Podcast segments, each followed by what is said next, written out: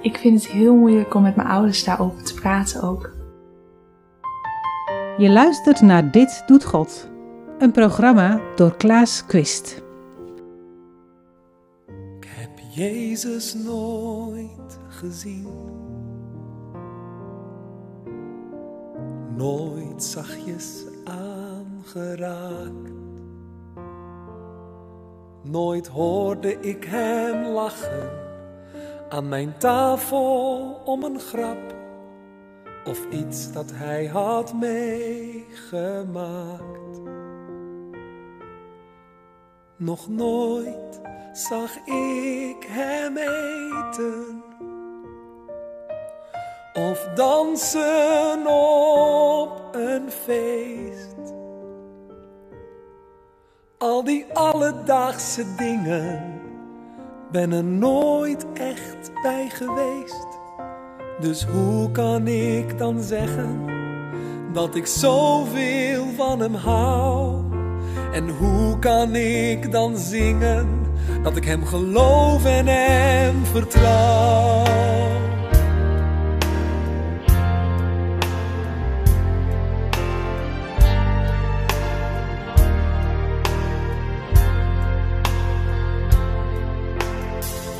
Heb Jezus nooit gezien. En ik heb zijn stem nog nooit gehoord.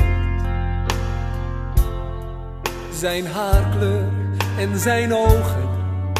Ik heb geen flauw idee. Zo weinig dat ik zeker weet. En ik heb hem niet zien lijden. Voordat hij stierf aan het kruis voor mij. En toen hij opstond, was ik er weer niet bij. Maar hoe kan ik dan zeggen dat ik zoveel van hem hou?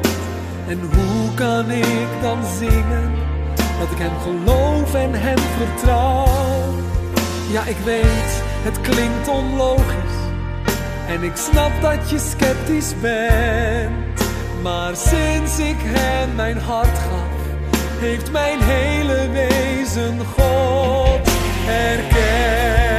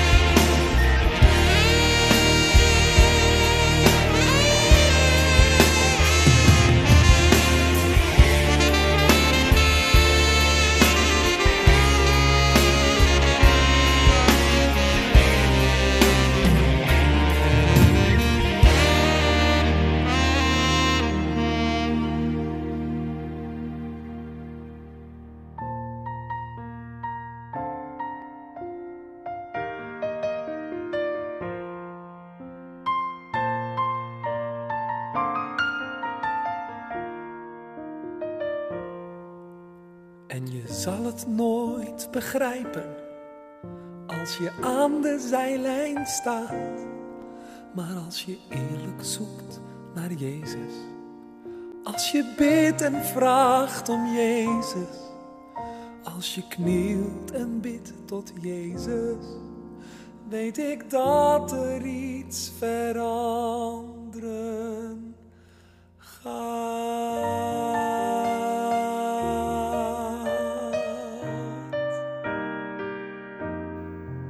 Van harte welkom in de achttiende aflevering van de podcast Dit Doet God. Mijn naam is Klaas Quist. We begonnen deze aflevering met een lied van Martin Brandt, Jezus nooit gezien. Hij schreef dit toen hij zelf een aantal jaren daarvoor uh, tot geloof was gekomen. Ja, de woorden doen me wel aan Jasmine denken, die ook niet zo goed weet uit te leggen wat geloven nu precies is. Maar dat ze niet meer zonder geloven kan, dat is inmiddels wel duidelijk. Het is zoals Martin uh, het aan het eind zingt: als je echt op zoek gaat naar Jezus, dan gaat er iets veranderen. Nou, dat heeft Jasmine uh, ervaren en daarover gaat dit gesprek. Ik spreek haar en naast haar zit Alicia, die je ook nog even hoort, en die iets zegt dat terugslaat op de vorige aflevering. De eerste vraag die ik aan Jasmine stel in deze aflevering is: wat heb je tot op heden eigenlijk al van God begrepen?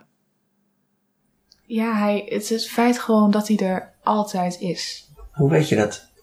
Ja, dat op sommige momenten voel je het niet. Maar juist op het moment dat je gaat bidden en dat je je opeens echt super slecht hebt gevoeld. En dat je dan die rust krijgt, die voldoening van, wauw, er is iemand. Dan, ja, dat voel je gewoon. Het is, het is zo moeilijk uit te leggen om, en het is er. Alsof je verliefd bent, zoiets? Ja, eigenlijk wel. Alsof je een beetje vlinders in je buik krijgt. Ja. Van, ja, eigenlijk alsof God mij een enorme schop onder de kont geeft. Van, hé, joh. Dat klinkt dan weer niet zo leuk. Nee, maar je moet je beter voelen. Je, je moet ervoor gaan. Dat is dan wel... Uh, een beetje discipline is ook wel goed soms. Ja, maar je gelooft niet vanwege de discipline. Nee. Nee. Aan welk verlangen uh, geeft het antwoord? Is dat, dat dat God je kent? Zoiets hoor ik je zeggen? Ja, en ik denk ook dat ik mij hiervoor op een. Nou ja, ik heb altijd wel heel veel mensen omheen gehad, dat is het niet. Maar toch een bepaalde leegte heb gehad of een bepaalde eenzaamheid. Um, ik voelde me heel vaak niet begrepen, want ik was nou ja, best wel anders. Ik uh, gedraag me ook anders dan mijn leeftijdsgenoten vaak. Wat doe jij? Dat, dat... Ik, ik ben niet feest, ik feest niet. Ik okay, ga niet even checken. Ben jij een feestbeest? Dat ligt eraan, ik heb alles met mate. alles met mate. Oké, oké. Maar jij voelt je, in ieder geval, je ervaart dat jij anders bent ja. dan jouw vriendinnen en vrienden. Ja. En ja, hier is dat dan weer ook wel, misschien dat het een beetje christelijk is, dat dat toch wat minder eruit komt. Oké. Maar. Dus je mist een soort aansluiting? Dat gaf eenzaamheid, zoiets, ja, zeg je? Ja. Ja, that was God. Wow. Ja. Voel, ja, het is echt heel lastig uit te leggen. Maar het is inderdaad gewoon puur dat er, dat er iemand altijd voor je is. Uh, dat je je verhaal kwijt kan. Um, dat iemand altijd van je houdt, wat er ook gebeurt. En ja, dat vind ik gewoon heel mooi. Hmm. En dat is ook, ja, het is eigenlijk denk ik dat ik naar de kerk ga en dat soort dingen is ook een soort bedankje van, Heer God, dank je wel dat je dit alles voor mij doet. Uh dus, maar de kerk gaan als bedankje. Ja, dat hoor je waarschijnlijk ook niet vaak. Nee, nee, nee, nee, nee. nee. Maar je zegt, er is altijd er is iemand die altijd tegen wie je altijd kunt praten, die altijd naar je luistert. Nou, dat is, dat is denk ik bidden dan, wat je bedoelt, hè? Ja, maar ik, ik, ja, ik geloof ook dat dat niet alleen tijdens het bidden is. Want um, normaal gesproken, als ik voor een klas sta, dan zit ik echt te trillen op mijn benen van oké, ik sta voor een groep mensen en hier staat nu een microfoon voor mij waarvan ik net dacht van oké, dit wordt hem. En alsnog voel ik mij nu redelijk op mijn gemak. Oké. Dus ja, zonder dat ik heb gebeden of wat dan ook. Uh Dat denk ik ook gewoon. Dat hij er nu ook wel bij mij is. Ja, dat weet ik wel zeker. als, je, als je ooit een keer God een hand hebt gegeven, dan laat hij je nooit meer los. Ik vind het gewoon mooi om te zien dat je in feite ergens toch een soort innerlijke roep hebt ervaren of zo van er moet iets meer zijn laat ik eens gaan bidden. Of ik, ik, ik ben onrustig, laat ik eens gaan bidden. Want toen je dat begon te doen, ja, je had natuurlijk op een christelijke school gezeten. Dus je had in ieder geval iets over God en Jezus en zo gehoord. Ja, en het is natuurlijk ook wel. ehm, iedereen in Nederland weet echt wel wie Jezus Christus is. Als Denk ik, je? Ja, ik denk alleen niet dat ze het gevoeld hebben. Ik Mhm. denk dat iedereen wel weet van, oh, Jezus Christus, dat is. eh, daar vieren we kerst mee of zo.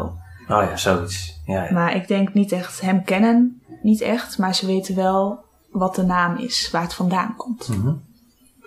En dat wist ik natuurlijk ook wel. Het is, het is zo. Elk jaar vier ik wel kerst. Ik heb elk jaar kerst gevierd. Alleen nooit met de bedoeling van Jezus Christus is geboren. En Mhm. Want hoe vierde jij kerst dan? ja, gewoon cadeautjes. Oh, eh, zo. Ja, ja, ja. lichtjes, Ja, ja, gezelligheid, ja, eten. oké. Ja, ja, ja. Hey, stel dat ik nou, eh, dat, dat jouw vader of moeder hier eh, zou zitten. En ik zou ze vragen, wat is er nou veranderd aan eh Jasmine sinds, sinds ze naar de bron gaat? Goeie Wat zou het eerste zijn dat ze zeggen? Oh, dat is een hele goeie. Ehm, ja, ja, ik hoop dat ze gelukkiger zeggen. Ehm, maar ik denk ook wel, ja, ik weet het echt niet. Ik vind het heel moeilijk om met mijn ouders daarover te praten ook. Je praat er helemaal niet over. Nee, eigenlijk niet. Ja, met mijn moeder af en toe. Maar met mijn vader heb ik het niet eens over gehad, joh. Maar eh, voor, voor, voor je woont nog thuis? Ja, Oké. ik ben ook 17. Dus. Oh, nou ja, goed. ja, oké. Dat lijkt me lastig. Het is ook lastig, ja. Gelukkig heb ik eh, dan wel mijn oma, waar ik laatst zei van... Goh, oma, ik ga naar de kerk. Waarvan ze zei van, oh ja, leuk. En dan kan ik nog wel af en toe wat zeggen van, ik heb het leuk gehad. En nou ja, mijn moeder vraagt ook wel van, heb je het leuk gehad? Ja. En dan zeg ik van, ja, mam, het was leuk. Maar dan vraagt ze niet door van, nou, waar heb je het vandaag over gehad? Of, ehm, maar ze probeert het. Ze is een beetje verlegen ermee misschien. Van hoe, hoe, hoe doe je dat dan? Ja, misschien is het er wel een beetje bang om er zelf mee getrokken te worden. Ik denk dat ze heel veel afstand van dat soort dingen probeert te nemen. En waarom zou ze dat doen? Ja, misschien zit zij dit wel als occult. ja, misschien wel inderdaad. Ja, dat is... eh, Dat is iets geks. ja, Dat is een verzinsel. eh. Ja, Zoiets? ja, ik denk dat mijn eh, vader voornamelijk, en dat is wel ook echt mijn vader, die is denk ik bang dat ik gehersenspoeld word of wat dan ook. Dat, het, eh, dat ik iemand word die ik totaal niet eerder was. Maar ik ben, Nou, in zekere zin, objectief gezien, zou je natuurlijk kunnen zeggen, is dat ook zo? Want je gaat anders denken. ja, ik ga zeker wel anders denken. En dat is Maar ja, zo. goed, als je, ik weet mijn- niet of je al studeert. Ehm, MBO-opleiding, verpleegkundige.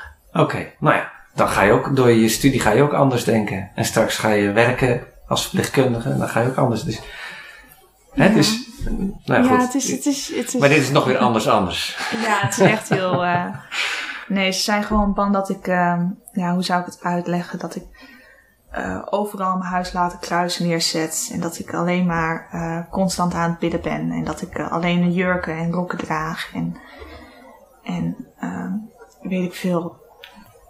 Ik was heel erg bang om het tegen mijn ouders te zeggen. Om naar een kerk te gaan. Om, Hmm. want ik had zoiets van die christelijke wereld, dat willen christenen helemaal niet. Ehm, maar dat is echt niet zo. Je kunt er gewoon echt binnenstappen. Ja, nu moet je wel reserveren natuurlijk, maar ehm, ze zijn er heel erg open voor.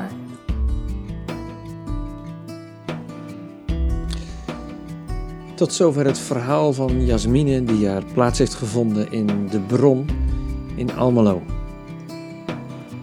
Ik bel met mijn collega Paul Smit om nog eens even te vragen wat je nu als gemeente eigenlijk kunt doen als er zo iemand binnenkomt wandelen, zomaar zoals eh, Jasmine deed. Hoe kun je nou als gemeente zorgen dat iemand zich echt welkom weet? De eerste aansluiting die je volgens mij altijd hebt, is het sociale. Gewoon, wie ben je, waar kom je vandaan? En eh, daar vandaan kan je het gesprek beginnen over van, wat heb jij nodig? Eh, iemand verdeelt een, deelt een stuk van zijn privéleven. En dan eh, kan je daar gewoon als jeugdleider of als jeugdouderling gewoon interesse in tonen. En in het samen optrekken hoor je dan vanzelf wel waar die ander eh, behoefte aan heeft. Nou, de- ik begin altijd bij die behoefte.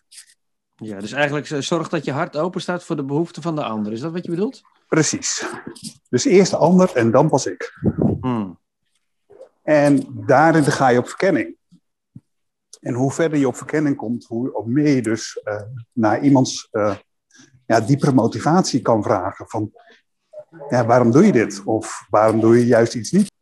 Ja, en, dan kom je dus ook op een stukje uh, ja, embedding, noem ik het dan maar. Nou, kan je, kan je als gemeente kan je een, ja, een soort, soort van sociaal netwerk aanbieden. dat kan, kunnen leeftijdsgenoten zijn. Maar het kunnen ook uh, ouders zijn of uh, juist senioren die bereid zijn om, zo, om daar een gesprek over te hebben.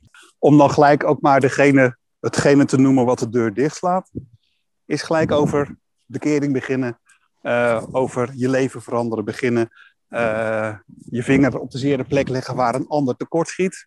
Dat slaat de deuren echt binnen één of twee ontmoetingen helemaal dicht. Ja, dus eigenlijk gaat het ook daarover. Uh, kijk naar wat iemand nodig heeft, sluit daarbij aan.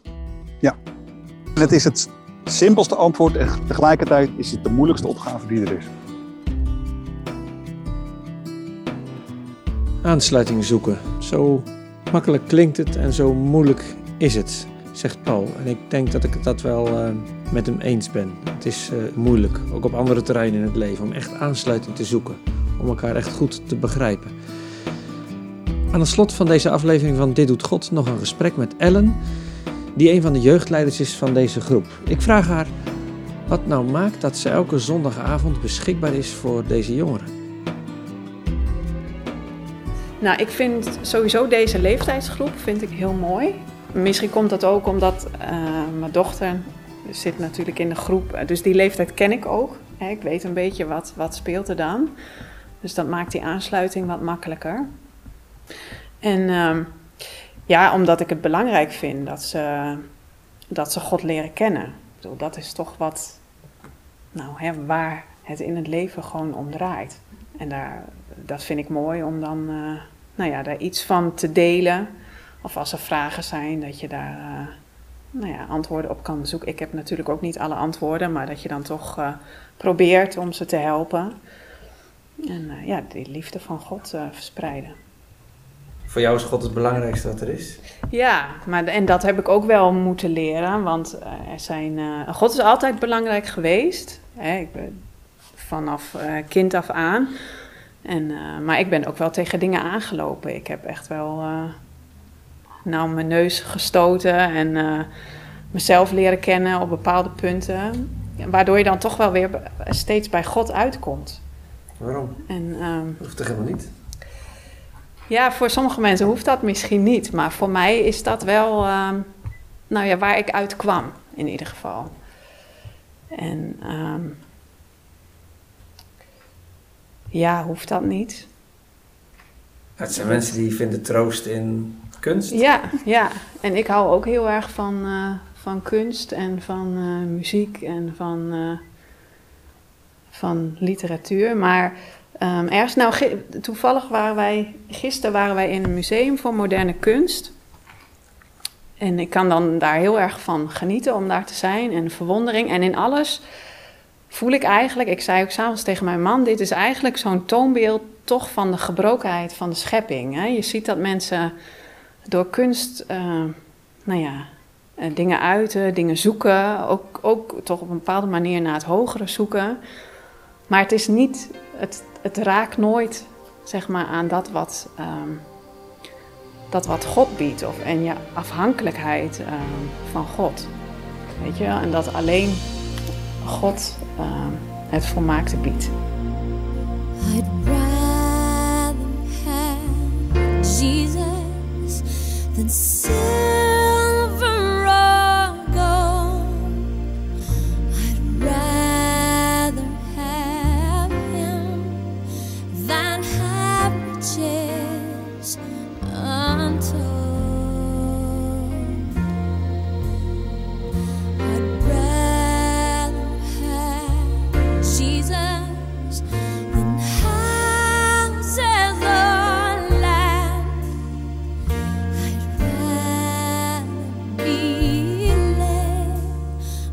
his name.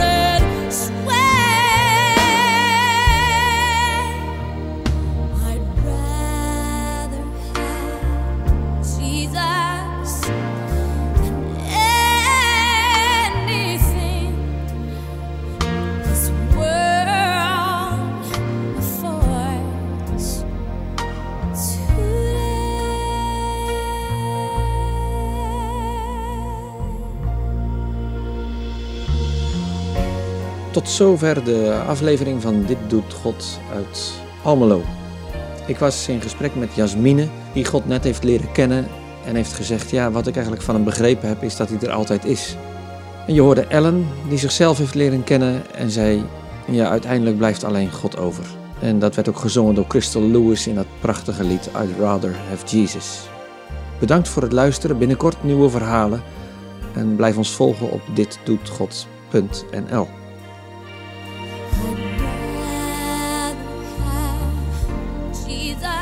us.